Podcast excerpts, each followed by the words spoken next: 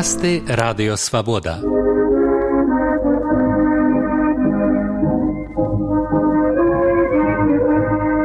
Падарожжа ў БНР з Сергеем Шупам.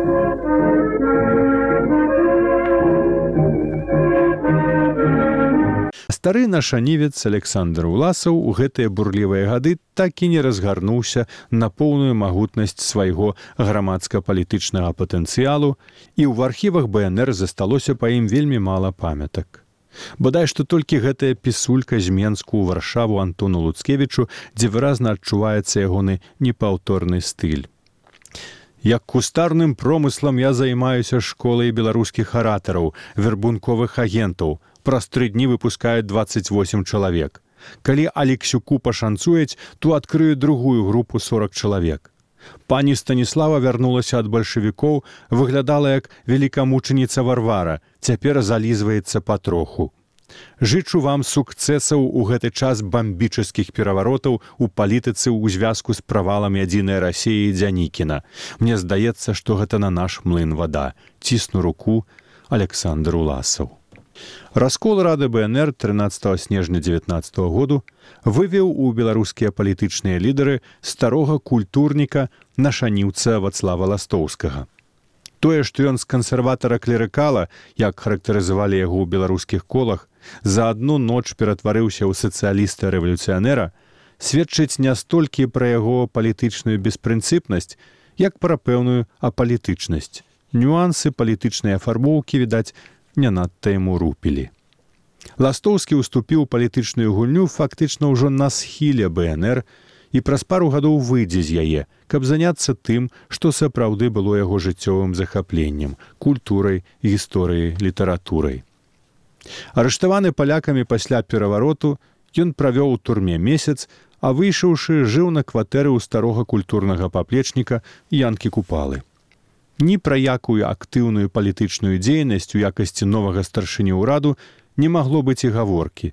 Таму ластоўскі абмежаваўся толькі апавяшчэннем замежных місіяў пра сваю версію падзеяў 13 снежня з падрабязнай калькуляцыяй кворуму з абодвух бакоў барыкадаў. Забаўная гісторыя адбылася з сакратаром місіі БНР у рызе янкам чарапуком, яго ад'ютантам злоцкім і кур'ерам маркевічам. У снежні 1919 году яны выехалі з рыгі ў Берлін, але былі затрыманыя на літоўскай мяжы. Прычына затрымання дыпламатычныя пашпарты беларускай народнай рэспублікі. Паводле літоўскіх уладаў фальшывыя, на якіх, як і на іншых пакетах і дакументах былі пячаткі БНР з літоўскім гербам. Усе трое пайшлі пад суд і праседзелі месяц у ковенскай турме. З гэтай нагоды маладыя літоўскія спецслужбы правялі ператрус у міністэрстве беларускіх справаў, аднак нічога не знайшлі. Міністр Язэп варонка нарабіў з гэтага вялікі шум, разаслаўшы падрабязнае апісанне здарэння усім міністрам літоўскага ўраду дзяржаўнай рады літвы і ўсім грамадскім дзеячам. Праз месяц, выйшаўшы з турмы, чарапук дакладвае. Усе дакументы афіцыйныя ўраду БНР, якія насілі строга дыпламатычную тайну, я пры арышце маім літоўскім урадам усе дакументы ўнічтожыў, так што ў рукі ворага не папаў ні адзін дакумент.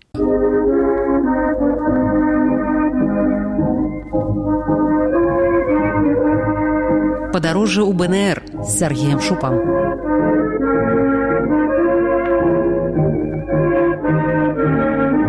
У студзені 1920 адбыўся нечаканы цуд. Паслу БНР ва ўкраіне Александру Цвікевічу нарэшце ўдалося атрымаць ад ураду УНР грашовую пазыку на мільён карбованцаў гатоўкаю і чэк у берлінскі банк на суму трох мільёнаў нямецкіх марак. Таму апошнія месяцы свайго прэм'ерства Антон Луцкевіч правёў у прыемным занятку. Сплачванні даўгоў і раздачы грошай на самыя розныя беларускія палітычныя, сацыяльныя і культурныя патрэбы. 22 студзеня 1920 году пратакольнай пастановай сходу рады народных міністраў беларускай народнай рэспублікі атрад генерала балаховича быў прыняты ў склад войска бнр пра гэта шэфу вайскова-дыпламатычнай місіі бнр у рызе кастусю і завітаву было даручана паведаміць самому генералу Вось толькі сам генерал Балахович нікому не даручыў паведаміць ураду БНР, што ў гэтыя самыя дні ён разам з сваім асобным атрадам паступіў на службу да палякаў, пра што падпісаў адпаведнае пагадненне ў рызе. Гэта будзе ўжо ці не пятае войска, якое размяніў на сваім баявым шляху сумна вядомы генерал. Аднак пра сваю нязменную пазіцыю ён прызнаўся расійскай паэтцы Зенаідзе гіпіус я беларус і каталік але я змагаўся за рассею і буду падтрымліваць расійскую справу. Паслужыць у войску бнр генералу балаховичу не давялося. Аднак яго асобны атрад упісаўся ў гісторыю бнр важнай старонкай дзякуючы вынаходлівасці кастуся і завітава. Разважаючы як вырашыць праблему без грашоў я ён прыдумаў удалы бізнес-праект выпусціць маркі Прапанова прыняць асобны атрад балаховіча ў склад войска бнр была дасланая ўраду і пацверджаная. У атрадзе ёсць байцы яны дасылаюць і атрымліваюць лісты значыць ёсць патрэба ў сваёй паштовай канторы і ў марках. Задумана зроблена. Эскіз маркі паводле некаторых даследнікаў належыць славутаму латыскаму графіку рыхарду зарынчу дарэчы аўтары эскізаў першых савецкіх марак Былі выпушчаныя маркі пяці наміналаў 5, 10, 15, 50 копеек і один рубель. Зялёная, чырвоная, фіолетавая, сіняя і карычневая. Наклад 1 мільён, кожная разам 5 мільёнаў штук. На просьбу вайскова-дыпламатычнай місіі бнр быў атрыманы дазвол ад міністэрства транспарту латвіі на франкаванне это значыць наклейванне з мэтай аплаты маркамі асобнага атраду бнр паштовай карэспандэнцыі у марыенбургу цяпер гэта горад алуксныя на паўночным усходзе латвіі месцы дыслякацыі атраду была адкрытая паштовая кантора якая аднак не праіснавала і трох тыдняў Магчыма, што да заяўленай мэты ліставання байцоў асобнага атраду тая серыя марак амаль не мела дачынення. Затое яна паставіла БнР на філатэлістычную карту свету і да сёння ўпрыгожвае прыстойныя калекцыі. А таксама дала падзарабіць беларускім незалежніцкім палітыкам. Палякі выцягнулі Луцкевіча з Парыжу ў канцы жніўня 20. -га. 5 месяцаў там на гаспадарцы заставаўся ягоны намеснік, чалавек паранаідальных схільнасцяў аўген ладнуў. Усе гэтыя месяцы ён бамбіў начальніка лістамі і тэлеграмамі з просьбамі як найхутчэй вярнуцца ў парыж, дзе чакала вельмі важная дзяржаўная праца. Страціўшы пару месяцаў за пустым сядзеннем у варшаве і сяк так перажыўшы менскі пераварот, старшыня ўраду атрымаў яшчэ ў сярэдзіне студзеня 1920 французскую візу а заадно і чэшскую аўстрыйскую і швейцарскую бо шлях з варшавы ў парыж абыходзіў нямметчыну кругам. Але палякі з бразгатам зачынілі браму перад самым яго носам. Ён ужо рыхтаваўся выязджаць калі польскі мзс нечакана адмовіўся даць яму выязную візу А тут яшчэ вырваўшыся з менскага падполля крачеўскі захарка за месяц аднаму богу вядомымі сцежкамі дабраліся да берліну і пачалі шантажаваць луцкевіча тэлеграмамі пагрозлівага зместу. Кіньце барацьбу з беларускім народам. З польшчай народ не пойдзе. Гэта відна было ў менску у вёсках. Закрыйце акцыянернае таварыства за продажы беларусі найвышэйшую раду. Самазваны нікім не прызнаны орган. Калі будете чапляцца за ўласць пачнем друкаваць яшчэ дакументы 5 лютага польскі мзс афіцыйна паведамляе антону луцкевічу што ніякі дакумент на выезд з польшчы яму выдадзены не будзе. Прэм'ер у роспачы паведамляе пра сваё інтэрнаванне ўсім замежным місіям бнр з просьбаю аб максімальным розгаласе. Гэтым паведамляю вас што я польскім урадам інтэрнаваны ў варшаве. Міністэрства спраў загранічных катэгарычна адмовіла мне выдаць пропуск замест дыпламатычнай візы на выезд у парыж. Калі мяне палякі не арыштуюць то буду адгэтуль той жа дарогаю пасылаць весткі і інструкцыі. Звяртаецца ён і да дыпламатычных прадстаўнікоў краінаў антанты ў польшчы заяўляючы свой рашучы пратэст і просячы аб дапамозе. У адказ маўчання.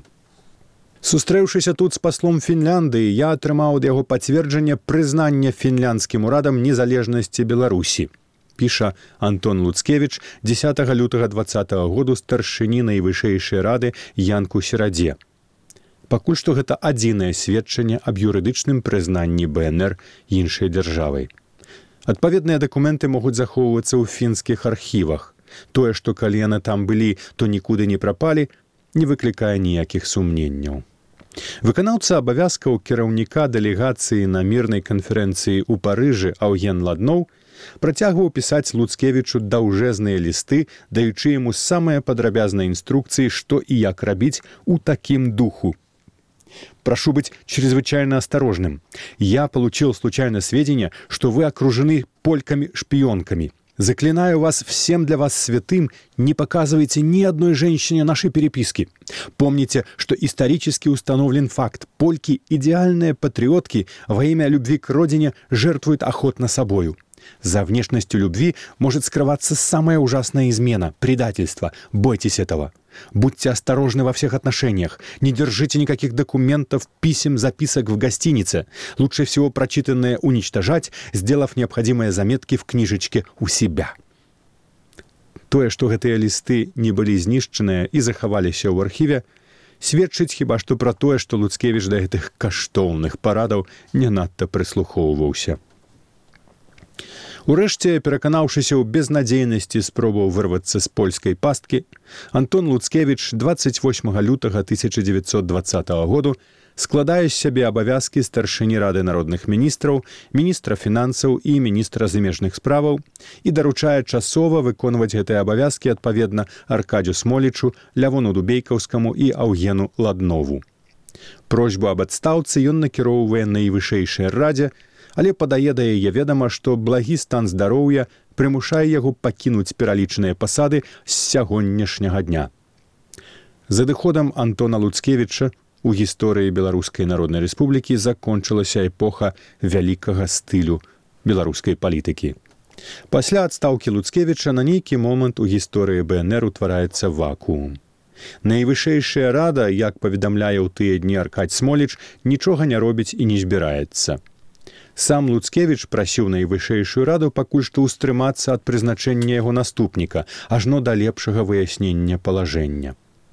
Апаненты Луцкевіча, эсеры і эсэфы яшчэ не апрытомнілі пасля хвалі рэпрэсіяў і з ключавых фігураў у Менску застаўся толькі кіраўнік ураду Вацлаў Ластоўскі, але зноў дамо слова смолічу і той не вылазе.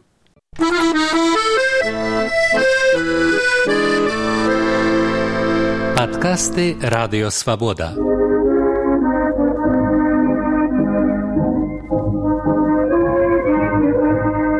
Падарожжа ў БНР з Сергеем Шупам.